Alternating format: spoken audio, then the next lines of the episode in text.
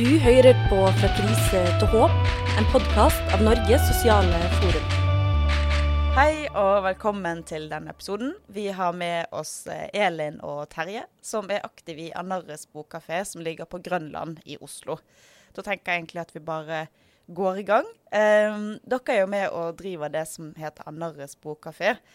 Og så er det jo dessverre sånn at ikke alle har en bokkafé bare sånn tilfeldigvis i nabolaget. Så kan dere fortelle litt om hva det er, og hvem er det som driver den? Ja. Eh, Anhares er en bokkafé eh, som eh, Det kommer fra eh, en del av den, ja, den utenom, utenomparlamentariske venstresiden i byen. Eh, og består vel nå av eh, ja, ca. 15 folk som drifter den, og står for å lage kaffe og holde åpent, og arrangementer. og ja, holder hjul i gang. og det er i et fysisk lokale nå da, på Grønland. ja hvor vi er åpent tre dager i uken. Wow. Og alt er helt frivillig? Ja, alt er helt frivillig. I starten så var jo dere basert i en campingvogn. Det husker jo jeg når det var jo i pandemi, og det var litt sånn Gikk i et år om denne gjengen som hadde en campingvogn som de kjørte rundt med i Oslo og plasserte i nabolag for å selge bøker. Men hvorfor var det egentlig en campingvogn som var starten her? Altså, eh, jeg tror kanskje Terje her var med et par uker før meg, men eh, sånn som jeg husker historien, så starta det jo vel med det, så, eh, Campingvogn i seg sjøl var vel en kombinasjon av eh, campingvogn kan flytte på seg, mm.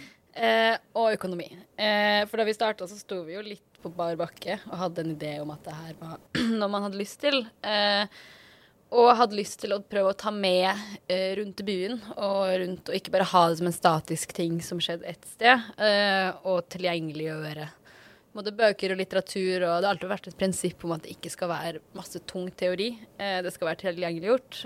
Og det var jo litt det vi gjorde i starten med campingvogna. Vi for rundt og styra, og det var mye styr eh, med denne vogna. Eh, og den første vogna vi hadde, ble jo stjålet etter et par uker. Ja. Eh, før vi engang kom i gang, så måtte vi få tak i en ny vogn. Og da snakker vi gamle, gode, gammeldagse 80-tallssorten av campingvogn som eh, man kanskje vant til fra sine besteforeldre. Eh, som eh, vi mala og pussa opp på et vis. Eh, slo ned ting og bygde bokhyller og ja. Og det koster jo litt penger. Altså så Folk mm. Eh, brukte sine egne penger for å realisere prosjektet? Ja, da spyttet vi inn fra egen lomme. Eh, så eh, ja, fikk det. Og det her var jo også i pandemiåret 2020, da. Eh, så da var det liksom Jeg tror folk kjente på behov for å gjøre et eller annet. og jeg tror kanskje den åpningsfesten vi hadde da med campingvognen oppe på Kaffe Steinbra i, Gro i Groruddalen, det var sommerens høydepunkt for min del, da, med konsert og ja, Ånesorg og Fuck i fjor og Sliten eliten spilte. Og så hadde vi da endelig denne vognen på plass, og kunne selge bøker og T-skjorter og diverse greier fra den. Eh, og det var fantastisk vær. Eh, utrolig fint. Eh, og ja, der startet det, da. Og så hadde vi da kjørte vi rundt med den vognen på, på forskjellige steder i byen flere dager i uken. Nå skal jeg si at Allerede fra vi var ei campingvogn, så var det jo arrangementer i vogna. Mm. Både, det var store ambisjoner, men det var jo altså, men, altså, Det ble jo organisert flere liksom, studiesirkler og ulike ting inne i den vogna. Altså uh, søk gjerne opp et bilde, for den er ikke så veldig stor. Altså så typ studiesirkel, det er plass til seks stykker, du må være der først for å få plass. Ja. ja. Og på en godværsdag så kan man sitte ute, men eh, det spørs jo litt hvor man er, for vi var jo liksom Vi var jo ofte i byen, så det var jo begrensa hvor god plass det var ute òg. Mm. Men sånn Ja, hva trenger man egentlig når man starter en bokkafé? For for meg er det litt sånn uh, uklart. Hva, hvordan bare setter man i gang? Er det sånn kjøper du noen bøker og og ruller det ut? Godt spørsmål. Uh, Verken jeg eller Elin var jo til stede sånn helt i starten. Uh, så, men det var vel noen der med en del inch, og så spyttet de sammen noen penger. Uh, nok til å kjøpe en campingvogn. Eh, og så må man jo ha litt Altså man må vite f.eks. hvilke spøker man har lyst til å ta inn, og hvordan man skal gå fram for å bestemme det. Det kan gjøres ad hoc, eller man kan bli enig i fellesskap og ha en prosess på det. Eh, og så fikk vi også laget litt merch, eh, hvor det òg var noen i gruppen som laget design på det. Eh, T-skjorter og for eksempel. Eh, og eh, så må man bare sette i gang, ja. Eh, få tak i campingvogn, eh, registrere den, mye admin-greier. Um, og um, ja, bare starte, rett og slett. Så tror jeg du trenger, du trenger folk som bare gjør ting i starten. Eh, og man kan altså Vi har organisert mye, men mye av det er jo også bare at man tar ansvar og får ting gjort. Veldig greit med noen som har litt sånn kjennskap til hvordan fikse ting. Eh, bruke skrujern eller hva enn hammer, og, og fikse det som trengs å gjøres. Og bil, hvis man har campingvogn. Ikke ja, minst. det er sant. ja, for det er liksom ikke bare å, å møte opp en dag, og så er det en, et eh, konsept. Men eh, så må man sikkert ja, registrere seg i Brønnøysund, og alt sånt der er veldig formelt. Og, så det er jo ikke bare bare. Stemmer. Um, jo, og så tenkte jeg at sånn eh, For nå har jo dere fått eh, fine lokaler der dere har flyttet inn i April i fjor, Ja. Ja, et år siden nå. Ja. så vi har bursdag eh, snart. Ja. Mm. Hvordan, eh, hvordan er de? Hvordan eh, funker det? Eh, jeg tror for oss når vi, altså For ett år og et par måneder siden så hadde vi ikke trodd at vi skulle være der. Det startet jo egentlig som en eh, litt sånn sprø idé hvor alle våre interne dokumenter heter Utopien. Anders. eh, og altså lokalet i seg sjøl eh, er ligger jo i ei sidegate på Grønland, eh, som fungerer kjempebra for oss. For, men det å starte med eh, et sånt lokale altså, du må jo, altså, For oss så måtte vi allerede ha i gang det prosjektet vi hadde på forhånd for å få det til. Jeg tror ikke vi hadde kunnet starte rett på med det, for det krevde ganske mye organisering i form av å få tak i altså, midler til å leie, for vi leier jo. Eh, og altså, når du skal drive det og i motsetning til campingvogn, så krever det jo også at du har litt mer kontinuerlig drift og organisering og alt sånt der. Eh, Jeg var jo en av de som var eh, litt skeptisk i starten for et år pluss noen måneder siden. eh, Og så jo ikke for meg at det skulle gå så fort som det gjorde. Jeg var også usikker på Altså, en campingvogn er jo veldig billig i drift. Den koster ikke noe leieutgifter, og det er ingen strømutgifter til den. Det er ditt lokale. Og, og en, vi fant et lokale som vi hadde råd til å betale, men det er fortsatt snakk om en del penger. Så jeg var jo veldig spent på det, men så i løpet av altså i løpet av noen få uker, da, at når vi da kom over den annonsen ute, eh, så var det noen, eh, noen veldig initiativrike folk i gruppen, og noen evige optimister, heldigvis, som eh, gønnet på, og foreslo en slags sånn grasrotinnsamling, og altså på, på godt norsk crowdfunding av prosjektet, og, og vi fikk tak i nok folk da, og, og som var villige til å betale for, for utgiftene da. Og eh, fikk stablet det på beina, da. Så det var jo utrolig fint å få gjort. Og eh, jeg tror også sånn som Elin sier, at det der å, å ha den erfaringen med drift, da, altså sånn eh, Selv om det var veldig enkel drift rundt, rundt den campingvognen, så var, var det noe med å bygge den erfaringen med hvordan funke som kollektiv, hvordan ta avgjørelser, hvordan eh, eh, ja, gjøre alle prosessene som trengs å gjøres, ordne alt det administrative. Alt det var i veldig stor grad på plass, da. Og vi hadde liksom ja, altså et sted å ha dokumentene våre og papirer og hva enn, liksom. Eh, så alt det slapp vi å ta eh, og alle forholde oss til da når vi skulle gå inn i, i, flytte inn i lokalet. Og det tror jeg var nødvendighet altså, for å få det til å funke. Eh, I hvert fall akkurat for vårt tilfelle, da. Altså, tenker, altså etter vi kom inn i lokalet, så har det jo også altså, Jeg føler det har blitt litt mer tilgjengelig på et vis. For det er jo også en evig utfordring med sånne her type organisering. er Hvordan gjør det tilgjengelig for folk som har lyst til å være med eller er interessert i å altså Ikke måtte i driftsgruppa, men måtte i uh, prosjektet rundt. Uh, for det er litt av håpet vårt at det skal være noe som er noe folk har lyst til å ha tilhørighet til. Uh, og derfor har jeg åpna opp ganske mye når vi fikk lokale. For når vi satt i den campingvogna, så det, det ser, det, Vi prøvde å gjøre det innbydende. Men det er også et eller annet som er litt sånn fremmedgjørende kanskje med det.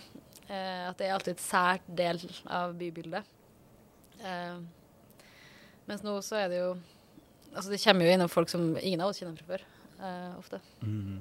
Det har jo samtidig den, For vi satt jo ofte Vi, altså vi rigget til utenfor campingvognen og satt der med telt over og satt ut bøkene på et bord og sånt. Og eh, det var veldig ofte mm, Altså i, i fjor, eh, sommer for halvannet år siden, så var vi oppe på Tøyen hele, hele sommeren. Og eh, eh, ungene likte jo veldig ofte å gå inn i campingvognen og kikke seg rundt der. Eh, og det, det var jo sånn nesten som en sånn lekehus, da, omtrent for de. Mens voksne har kanskje litt større terskel for å gå inn i en ja, litt trang, liten campingvogn. Ja, for jeg tenker sånn at campingvogn liksom, ja, det er innbydende for noen, og det er liksom kult og liksom nostalgisk kanskje, eller man vil inn og se, og så blir man litt sånn Det er en slags terskel å gå inn og se på ting alene. Eller sånn, for det var veldig dårlig plass, husker jeg. Sånn at liksom, hvis jeg skulle inn, så var det sånn Nei, du må gå inn, og så må noen andre komme etterpå. Altså det er litt sånn Mm. Det er kanskje gøyere å gå i et lokale og, og på en måte kunne snakke sammen og se på flere ting. Altså liksom Ja, kanskje det er føles litt åpnere, da. Ja, absolutt. Ja. Og Lokalet er jo et sted å henge, et sted å Mm. være. Og, ja, og det, går så, det er også mye enklere arrangementer der, f.eks. Det var jo veldig vanskelig i campingvogn. Og ikke minst det å ha tilgang på strøm og innlagt vann eh, har veldig mye å si da, for hvor enkelt det er å En gjøre ting. Da. Og en do, ikke minst. Ikke Ja. minst. Men samtidig så merker jeg også at uh, før vi hadde campingvogna, så var det mye enklere å, å velge med lavterskel og bare dra innom. Uh, vi var jo ofte innom markeder, og når vi sto på Tøyen, sto det jo ofte andre der og solgte mat og lignende. Man fikk jo en annen type kontakt med uh, altså andre folk på, på en måte som er kanskje litt annerledes nå. At nå må vi heller ta litt mer aktivt initiativ på det. Um, men vi er jo fortsatt rundt på en del markeder og sånt når vi kan. Men Ja, dere hadde jo bokmesse også. Ja. vi har hatt I fjor. Ja. Mm. Mhm. På Folk i Storgata. Og ja, det, har jo, det er jo i, i eh, god gammel anarkistisk tradisjon. Eh, hvor det har vært Altså det arrangeres jo bokmesser i København og i Stockholm, er det vel, og kanskje Göteborg, ikke helt sikker. Men eh, eh, det var jo i ånden av det, da. Ja, og med et ønske om å få til noe tilsvarende også i Oslo, da, og i ja, området her. Og da var det vel også noen eh, kamerater som kom fra Göteborg, Ja, fra som hadde siden. sin ja. Mm. Da kunne man kjøpe kule sokker og annet merch, husker jeg. um, ja, men kanskje um, Kan dere si Hvorfor heter dere Narres? Hva er det for et navn? Ja, Ja. Anarres. Eh, det ble bestemt før jeg kom inn, men eh, det kommer fra, fra den boken 'The Dispossessed' av Ursula K. Le Guin. Hun, eh, hun var en sci-fi-forfatter eh, som skrev altså typ sånn utopiske, eh, revolusjonære eh, science fiction-romaner, da, eh, blant annet. Med et litt sånn skrått blikk på samfunnet som det er, da. Og i den boken her så handler det om jorden, eller planeten Uras, som har en måne som heter Anares. Og på Anares så lever de som da etter en, en, en Hva skal man kalle det? En slags sånn halvvellykket, mislykket revolusjon på Uras. Så kommer de fram til en avtale om at denne gruppen flytter til Anares. Eh, så der på Anares er det goldt og tørt og ganske vanskelige kår. Men de har organisert seg i et samfunn som er eh, egalitært, og som er eh, i stor grad platt strukturert. Og eh, i beskrivelsen av liksom forskjell på disse menneskene som bor på Uras og Anares, så går de med en verdighet, da, eh, og har liksom en, en selvrespekt på Anares, da, også overfor hverandre, som ikke finnes på Uras, da, som fortsatt er et hierarkisk samfunn. Så det er liksom den um, en, slags utopi som ikke er en utopi heller. Um, ja. Så der kommer navnet fra, da. Det var også et lite boktips, da? eller? Ja. Den er en veldig god bok. Veldig fin bok. Kan anbefales. Fordi eh, bokkafé er jo liksom Jeg husker når det startet, så eh, var jeg også litt så usikker på hva, hva det var for noe. Men også litt det der med at man er jo frivillig. Man legger ned veldig mange timer. Det finnes jo mange andre ting å være frivillig i. Det finnes jo mange partier og organisasjoner. Og hvorfor er det viktig med en bokkafé og det rommet det er? På en måte, Hvorfor er det et politisk prosjekt? Altså, det, vi spør, jeg tror vi spør oss sjøl sammen noen ganger når vi sitter her og koker kaffe på hver tiende time uten at noen kommer innom. Men eh, Nei da, det kommer ofte folk innom. Men eh, eh, altså, det viktigste for meg eh, med å drive Anaris, å være med å drive Anaris, handler om å skape rom for politiske samtaler som ikke nødvendigvis er styrt av altså, styrt av en annen, på en måte. da. At det er et rom hvor man kan utforske politikk. Man kan altså skape også nye altså, kontakter, møte folk. Eh, altså Ja, det det rommet da, som jeg tror man mangler. Eh, I hvert fall sånn som jeg har opplevd det i Oslo de siste åra.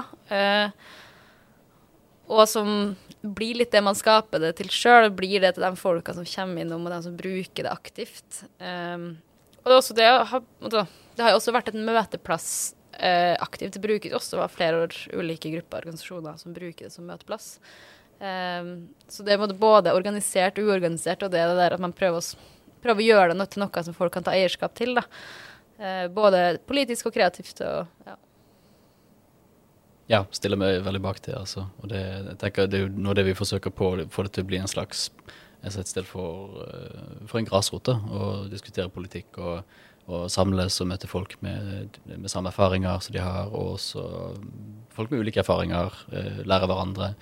Og, og, begynne å samles da om et politisk prosjekt. Og, og, også det at, ikke minst det at, eh, som du sier, at vi er liksom eh, ikke vi har, vi har, lyst til å være et alternativ for partipolitikken. da, eh, i, eh, med alle den begrensningen den kan ha. da, Så tenker vi det er viktig også å, å vise at det finnes alternativer og andre steder å møtes og, og diskutere de tingene som angår folks hverdag. da. Grunnen til at vi selger bøker, tror jeg også en sånn For det er jo utgangspunktet da for campingvognen at vi, vi tenkte vi skulle bli en bokkafé. der, Vi har både kaffe og te, og så har vi også bøker. og en del, Mye bøker nå, da. Mye mer enn vi hadde først altså for, for, min del da, så er det eh, handler det om å, å, at litteratur er et sted å, å gjerne finne eh, altså finne seg sjøl igjen, da, eller se seg sjøl. Og liksom få seg sjøl reflektert i det andre skriver. Eh, og gjerne også i en politisk sammenheng. Det er noe som ofte er fraværende ellers i, i hverdagen min og, og, ellers til folk, tror jeg. Eh, hvor eh, hvor man ikke får liksom, satt i sammenheng den verden man eksisterer i, hvorfor den er som den er. Eh, hvorfor den kan oppleves skip på mange måter og, og være vanskelig å eksistere i for mange. Og, eh, og, bøker byr på liksom både, de kan by både på en forklaring til hvorfor det er sånn, og de kan også vise eh, alternative virkeligheter da, om ja, hvordan verden kan se ut òg. Og jeg tenker det er ganske viktig for å Um, altså Det er ikke det eneste som er verdt å gjøre, da, men, men, det er ganske viktig å ha noe sant for å, for å, kunne forestille seg hva det er verdt å kjempe for da, og verdt å oppnå. Altså, jeg har opplevd at på Anaris også ofte, når det, både når arrangement når det ikke er arrangement, når det bare var åpningstid, at eh, det er veldig ofte at folk kommer inn og bare har behov for å prate om en politisk situasjon eller en situasjon man er i, eller noe lignende, men gjerne bruke da, måte, litteraturen som rammeverk, eh, og at vi har et felles språk eh, å prate om ting på. Vi har en felles måte å eh, forstå hverandre Vi kan alltid eh, altså, anbefale videre. Vi kan ja, bruke ting, eh, bruke det vi har. Og det har jo sett at veldig mye av de bøkene vi har, har jo fungert som det. Og det betyr på ingen måte at noen er enig eller uenig i det som er skrevet. eller alt sånt. Det handler om et felles språk for å pushe hverandre gjennom. da. Og for å bygge bevegelse gjennom. Mm. Som er hovedmålet, er det vel. Ja. Fordi det er jo ganske mange bokkafeer og lignende prosjekter eh, som har vært i altså, ja, resten av Europa og kanskje altså, i, i Danmark og i Sverige. Eh, og Sigrid i redaksjonen, hun eh, bor jo for tiden i, i Malmö. Og er ute, ute, og kikker på den svenske venstresiden. Um, og hun uh, har, uh, hun har vært på Amalthea bokkafé, som uh, fyller 15, nei, 14 år, ikke 15 år.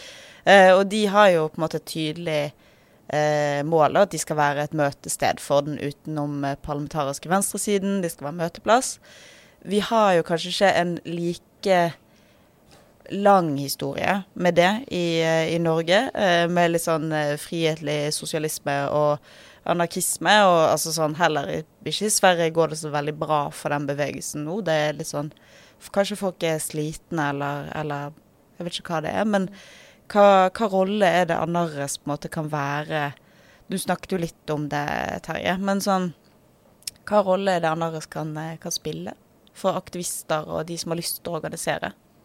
Eh, akkurat I den sammenhengen så tenker jeg akkurat sånn som, som Elin sier, at, at uh, Anhares er et rom, da, altså et fysisk sted å møtes uh, for å samles da, prate politikk og også f.eks. diskutere strategi. Hvordan kan vi jobbe politisk også utenfor de store partiene for å oppnå politiske mål vi har. da. Og og det å, eh, ja, det å ha et sånt uh, fysisk møtested er helt essensielt. Altså, det er ekstremt vanskelig å organisere seg, tror jeg, hvis man ikke ja, hvis man møtes i, hjemme i stuen til venner og sånt, f.eks. Det, det ja, lage noen barrierer da, for å organisere seg eh, på tvers av vennegrupper og på tvers av liksom veldig nære relasjoner. Så det å få til en organisering eh, eh, i et slags kameratskap eller på tvers av Eller altså forbi vennekretsen, da, det, det tror jeg trenger et sånt fysisk sted å møtes. da. Så vi har jo et håp om det, da. Samtidig så er det jo, ja, som du sier Altså, jeg, jeg kjenner ikke den svenske situasjonen veldig godt, sånn når det kommer til hvordan, eh, hvordan eh, anarkismen hadde det der. Men eh, her er det jo heller ikke noen sånn store eh, Eller så mange organisasjoner i, eh, i Oslo, men og i Norge generelt. Eh, men jeg tror man ser Man ser ganske mange tendenser til den, hva skal man si, altså det tankesettet da, som ligger til grunn, vil jeg tenkt, i, i, ganske mange initiativer. Så selv om det ikke er noen svær eh, organisering rundt det, da, så finnes det initiativer i f.eks. i Trondheim, sånn som i Skeivt opprør, og på eh, Ivar Matlaus er det vel en del aktivitet rundt det her, som kommer fra en sånn vil jeg tenkt, ganske tydelig anarkistisk tradisjon. da. Mm. Eh, og også i Oslo har det, og eh, Comrade f.eks. har altså baserer seg på sånn mutual aid, altså gjensidig hjelp og en slags en form for direkte aksjon. da. Um, og jeg tror det er ganske, det, jeg har i hvert fall inntrykk av at det har poppet opp en del sånne initiativer de siste årene da, som har sett behovet for at vi gjør et eller annet da, eh, og tar tak. Så, og vi håper jo å kunne bidra til det da, på et eller annet vis. Vi prøver jo å sette et rammeverk ut fra hva vi tror er den beste måten å gå framover i verden. Men vi er jo også men en stor del av det er jo at vi har lyst til at folk skal bruke oss, og endre, endre annerledes det som eh, man vil. Eh, og jeg har jo sett, eh, spesielt det siste året etter 25. juli-skytinga, skytinga, eh, hvordan et fysisk rom ble så ufattelig viktig. Eh, altså kan ikke på ingen måte ta på meg ha organisert og stort eller gjort noe, sånt, men bare det der fysiske stedet Eh, og det at eh, som du sier, da, at man trenger ikke å møtes hjemme hos folk. Man trenger ikke å Altså, man har så klart venner, man har nære, mange har nære, men det er ikke alle som har det samme nære, og det er ikke alle det nære som er dem du har lyst til å være nære i alle situasjoner. Og det å kunne ta vare på hverandre både med liksom, kjærlighet, men også liksom der uh, teoretiske, strategiske uh, Hvor går vi herfra? Eh, perspektivet. da. Å kombinere dem har ja, i hvert fall det siste året for meg vært veldig viktig. Og kjent, kjent veldig på hvorfor det har vært viktig at vi fins, eller at det fins rom. Ja, det, og det tror jeg det var mange som kjente på, meg sjøl inkludert. altså akkurat i, Særlig akkurat den uken etter skytingen, da, hvor Anaris ble en, en, møteplass. da, Og hvor man kunne være sammen i, i både altså i sorgen og i sinnet og i redsel. og vreden som jeg tror mange kjente på. da. Og um, jeg, jeg syns det er litt vanskelig å forestille meg hvordan det hadde vært uten den møteplassen. da. Så, så, særlig i en sånn situasjon. Det, for meg så viser det bare hvor viktig det er å ha de her fysiske møteplassene da, for å ja, kunne um, ja, stå sammen i, i solidaritet da, når det trengs. Ja, for det er på en måte også sånn Det er et, liksom ganske trygt rom, og det er altså, et sted der du bare kan møte opp. da. Du trenger jo ikke å, å, vite noe om det, og det sitter alltid noen der som, ja, som spør hvem du er, eller om du har lyst til å prate, eller om du vil ha, liksom, få tips, eller om du bare vil ha å drikke en kopp te i hjørnet alene. Så i hvert fall sånn Det er mitt inntrykk at det er, liksom, det er jo en liksom koselig stue eh, vibe der, da. At det er liksom det er alltid fint. Du kan ta med deg barna dine der, eller hunden din, og du kan på en måte eh, bare henge der, da. Bare visst hvor mye vi har snakka om å gjøre det koselig. ja, ja, og vi håper jo veldig at folk føler at det er sin stue de kommer til, da, på et vis. Og at det ikke er sånn at de invaderer noen andre sin stue. Um, så, men ja, absolutt. Um. Og så har vi jo også prøvd å, å skape et alternativ på uh, arrangementer og på liksom, sånn dager som 1. mai.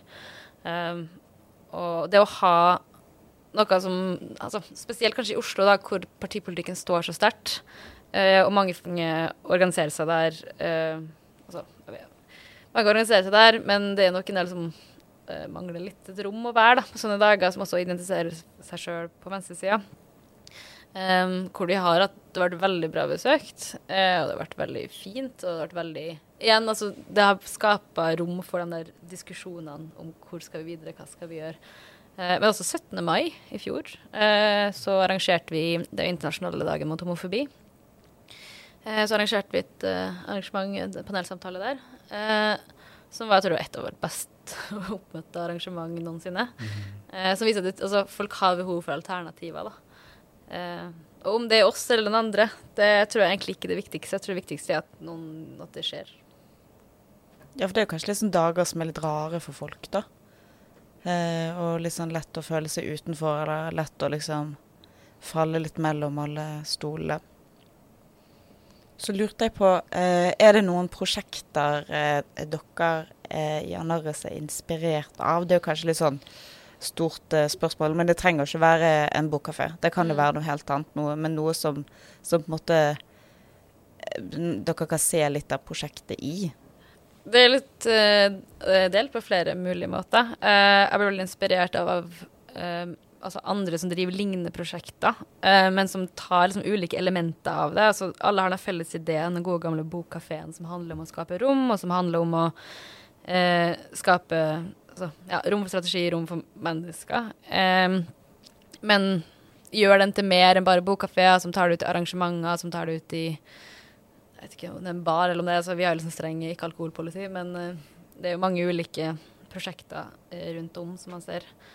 eh, som gjør lignende ting, og som bruker litt de samme grunnideene. Eh, men når det kommer til liksom konkrete prosjekter, eh, så tror jeg litt sånn Terje var inne på her i stad, at eh, det popper jo opp litt sånn initiativ her og der nå som baserer seg på mye av den samme grunnideen. I hvert fall sånn som jeg oppfattet det. Eh, sånn som Comrades Inc. De fylte jo nettopp ett år. Nei, fylte fylt nettopp ett år. Eh, som er et f- eh, f- hva er det, fond? Fund? Mm. Det er jo det, ja. Ja. ja, ja. Eh, for eh, transkamerater er vel egentlig eh, medisinsk behandling. Eh, Det er vel hovedsakelig det, ja. Eh, som gjør veldig mye, veldig, veldig, veldig mye bra. Og så tenkte jeg på Reclaim Pride. Ja, da på det nettet. Ja. Som eh, et initiativ eh, som finnes flere steder i verden, men også i Oslo. Eh, som i fjor arrangerte en alternativ pride utafor Stordalens parader. Um, En antikapitalistisk pride. antikapitalistisk pride, eh, som det også var en arrangement hos oss, som jeg ble veldig inspirert av. Eh, så får håpe at det blir noe videre der. Mm. Og så har jo også denne ideen om en bokkafé har jo lagt i, i bevegelsen uh, i mange år, så vidt jeg har forstått. Um, så det har vært samtaler om det, da, og så har jo selvfølgelig høye leiepriser vært i veien. Da, men de har jo da ofte, har jeg inntrykk av, det, sett til bl.a. Uh, Amalthea, som du nevnte, i Malmö, og også Syndikalistisk forum i Gøteborg. Uh, så vi har jo liksom uh, jeg, jeg tror vi kan si at vi kommer fra en tradisjon av bokkafeer som vi også har en del av i Skandinavia. da.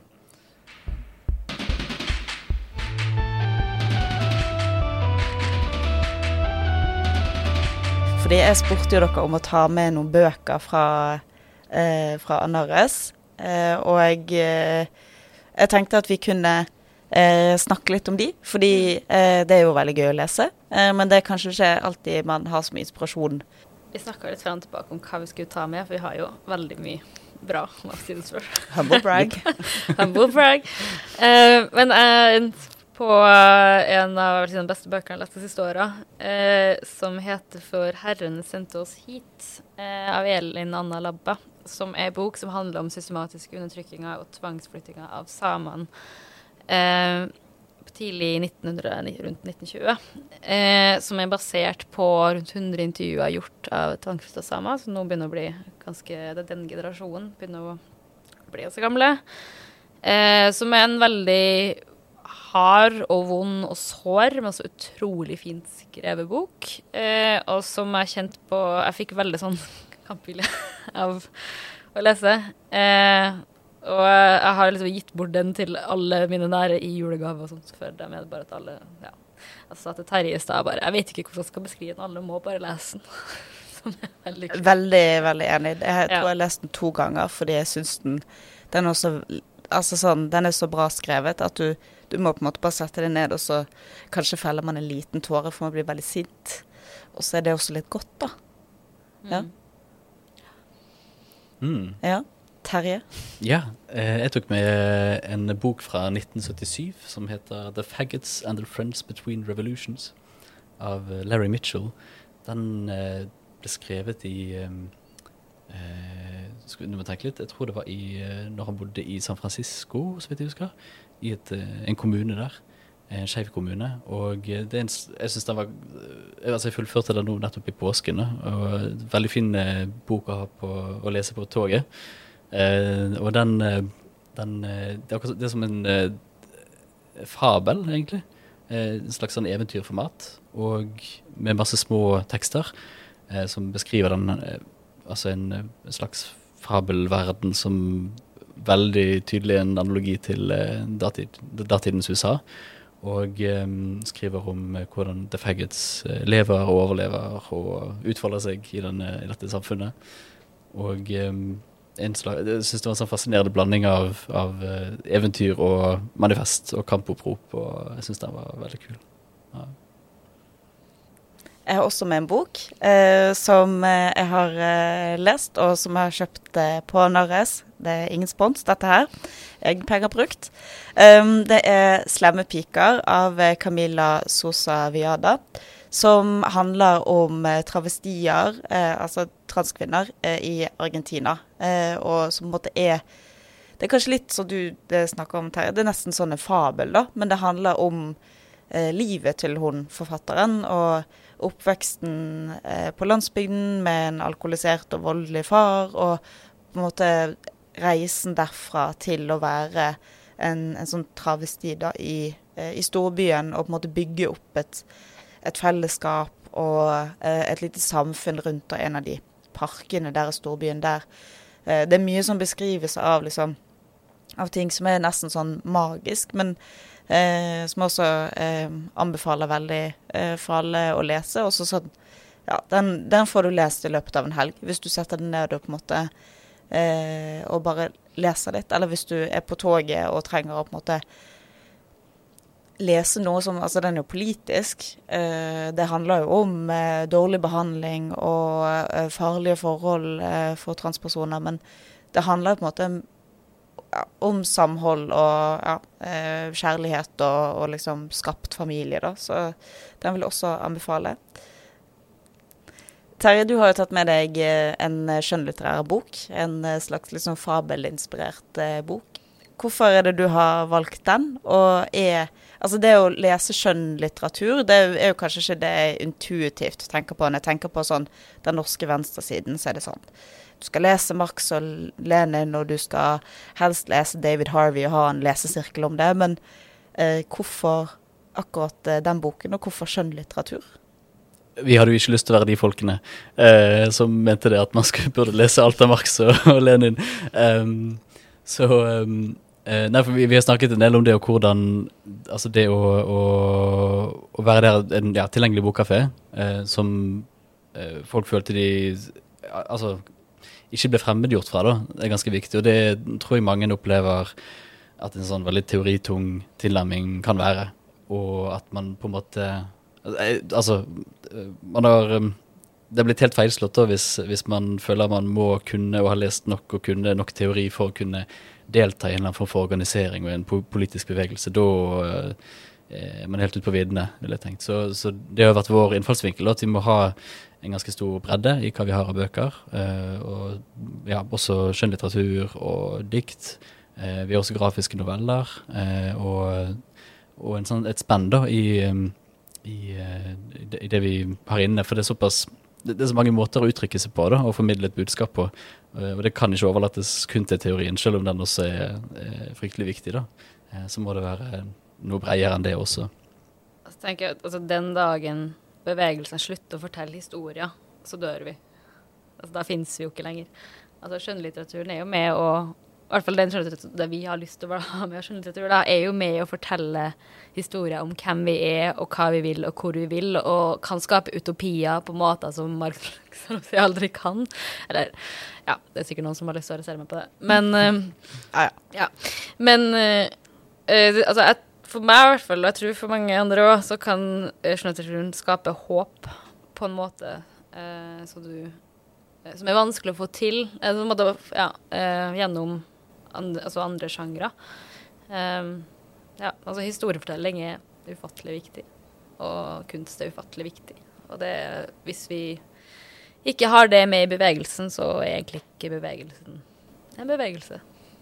Ja, og det, det er jo også litt at man kan jo få tilgang til andre sin virkelighet og andre sine historier og andre sin undertrykkelse på en, på en helt annen måte, da, med, med en fortelling. Um, og når man ja, ser det fra de ståsted på en helt annen måte enn hvis det er en, en teoribok, er jo gjerne for noen er det intuitivt å oversette i akkurat denne her politiske kampen som denne personen lever i, ser jeg det Marx skrev om. Unnskyld alle guttene som har lesesirkler. Dere skal få lov. Uh, men det er mye enklere å oversette det hvis du leser en bok som på en måte opprører deg, fordi du Altså, det er en historie, det, det er mennesker, det er liksom I hvert fall syns jeg det Det kan være mye enklere å, å se meg sjøl i Sjøl om det på en måte er fjernt fra mitt liv, da, så i en veldig god historie så er du på en måte til stede, du også.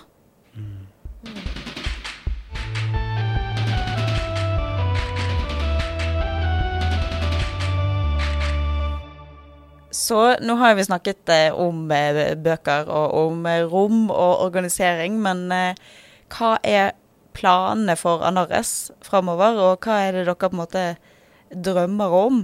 Hvor er konseptet, lokalet, om uh, fem år, da? Nei, eh, kulturhus, kanskje? ja.